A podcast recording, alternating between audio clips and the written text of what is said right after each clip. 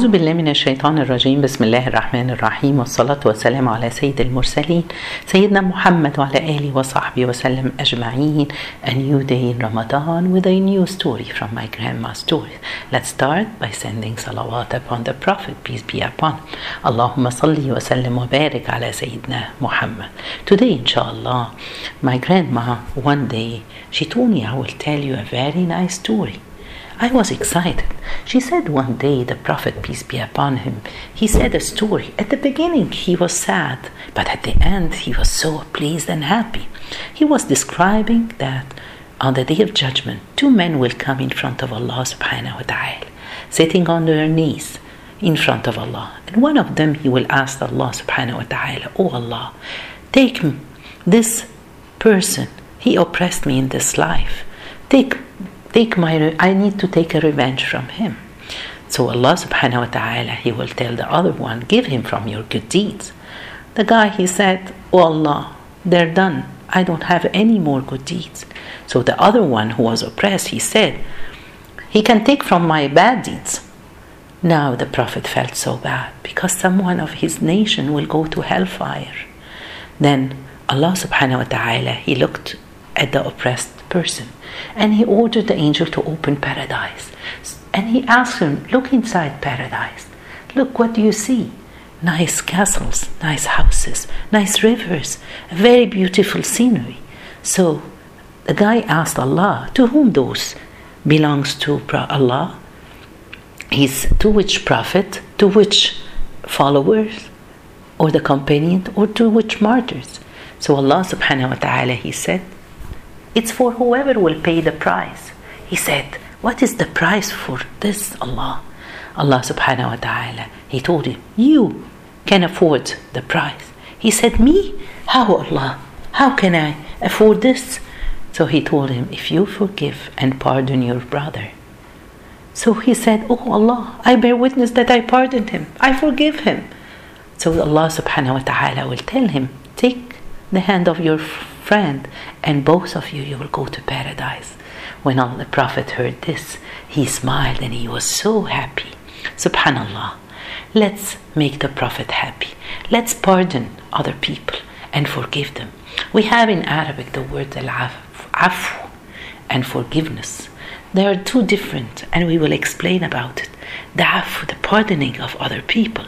Today it could be the Laylatul Qadr, right? It could be. So let's live with the name of Allah Al Afu. Allahul Afu. Allah who pardon people. Let's live with it. It could be the Laylatul Qadr. It could be this is our Savior. Subhanallah. Let's pray and ask Allah and call Him with this name. Live this name. Maybe today we will work hard. We will make dua. We will come close to Allah. May Allah subhanahu wa ta'ala forgive us and forgive our children, forgive our husbands and wives, our family, our friends, our beloved ones. You never know. When is Laylatul Qadr? We will work hard towards this. One day, Imam Ahmad ibn Hanbal, somebody asked him, What's the distance between us and the throne of Allah? They were they meant they meant in their question the distance. So he said, the distance between us and the throne of Allah. It's a sincere da'wah, dua, which comes out from your heart.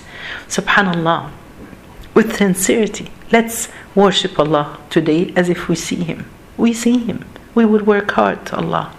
The, we have, He gave us the Prophet, the key for the dua of today. One day, Aisha, his wife, peace be upon her, uh, asked the Prophet, she said, O Messenger of Allah, if I know what night is the night of Qadr, what should I say during it? He said, Say, O Allah, you are pardoning, and you love to pardon, so pardon me. Allahumma innaka afoon, tuhibbul afu, fa'afu anna. Subhanallah, it's a dua, consists most of it pardon, pardon, and pardon. So all of it, you're pushing and asking and begging Allah. Subhanallah, there is no word that the Prophet said it except it's a, it has been revealed from Allah to him. He wanted him. He told him what to say. So that's why the Prophet told us this is the key dua. It can be the shortest place between us and Allah subhanahu wa ta'ala this day. So, what does it mean, pardoning? Not forgiving, pardoning, which means erasing, erasing completely, you know, with an eraser. So, but I remember that I did, I committed a big sin, a major sin. Allah had erased it for you. Subhanallah. We have been asking, we're trying to be close to Allah. So inshallah, it could be this night, today. I but I committed sins for 30, 40 years, but I remember them. Subhanallah, on the day of judgment, you'll not find them. They're going to be erased. But the angel wrote them in the books. They're going to be erased. Your book is going to be completely white. Live with the name of Allahul Afu. Let's live it tonight today. Ask Allah. Repeat this dua all the time. Okay, what's the difference between this is a common question. What's the difference between afu and maghfirah, between pardoning and forgiveness? Subhanallah. Forgiving, when you repent to Allah, you committed a sin and you repent to Allah, Allah it, the, the, the bad deeds has been written. But on the day of judgment, Allah subhanahu wa ta'ala, He is not going to punish you. But with the pardoning or, or the afu of Allah subhanahu wa ta'ala, you will find your book white. There isn't. Allah erased it. So subhanallah, maybe on the day of judgment we will discover that this night, the, the night of power in year 2021, when we made the dua, we begged Allah, we worked hard, that the day we won, we, we won the pardoning of Allah, the afu of Allah, subhanallah. We don't want to waste any moment today. We have to work hard. We have to cry. We have to go to Allah subhanahu wa ta'ala with this dua. Ask Allah, Allahumma innaka afuwan tuhibbul afwa fa'afu anna. Subhanallah. All the mistakes and the sins that we have committed for years, Allah will accept them. Subhanallah. But the most important thing is forgive other people. If you want the forgiveness and the pardoning of Allah subhanahu wa ta'ala, pardon other people. Forgive them. Ibn Mas'ud one day he went to the market to buy something. Then he put his hand to get the money. He discovered that someone stole the money from him. He started to look around, people around him. They started to make dua against this person. May Allah cut his hand or he, the thief. But he said, No, no, no, wait. I will make dua and you say Ameen. So he put up his hand and he said, Oh Allah, if he did this, he stole because he needed. So bless him for what he need. If he did it just to steal, make it, Ya Allah, the last time for him to steal. Let's forgive. Let's pardon other people. Pardon your sister that she did something bad to you. Pardon your colleague at work that she harmed you. Yes, but pardon her because we know. Umar ibn Abdul Aziz he said I love pardoning when I am able to punish. This is shows the ability that you're doing just for the sake of Allah. You forgive. Forgive your friend your neighbor. Forgive. Subhanallah. They say that Mus'ab ibn Zubayr one of the follower he when he became the leader of Iraq he went and he called to give his uh, uh, people in the soldier in the army donation.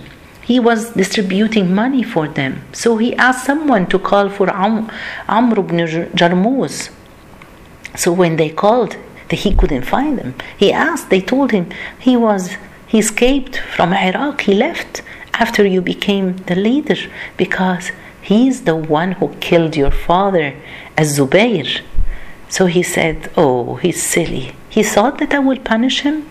Look at the forgiveness. Look at the afu. Look, look at the, how they pardon.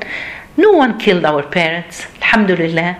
So forgive. They took something that doesn't belong to them. Forgive.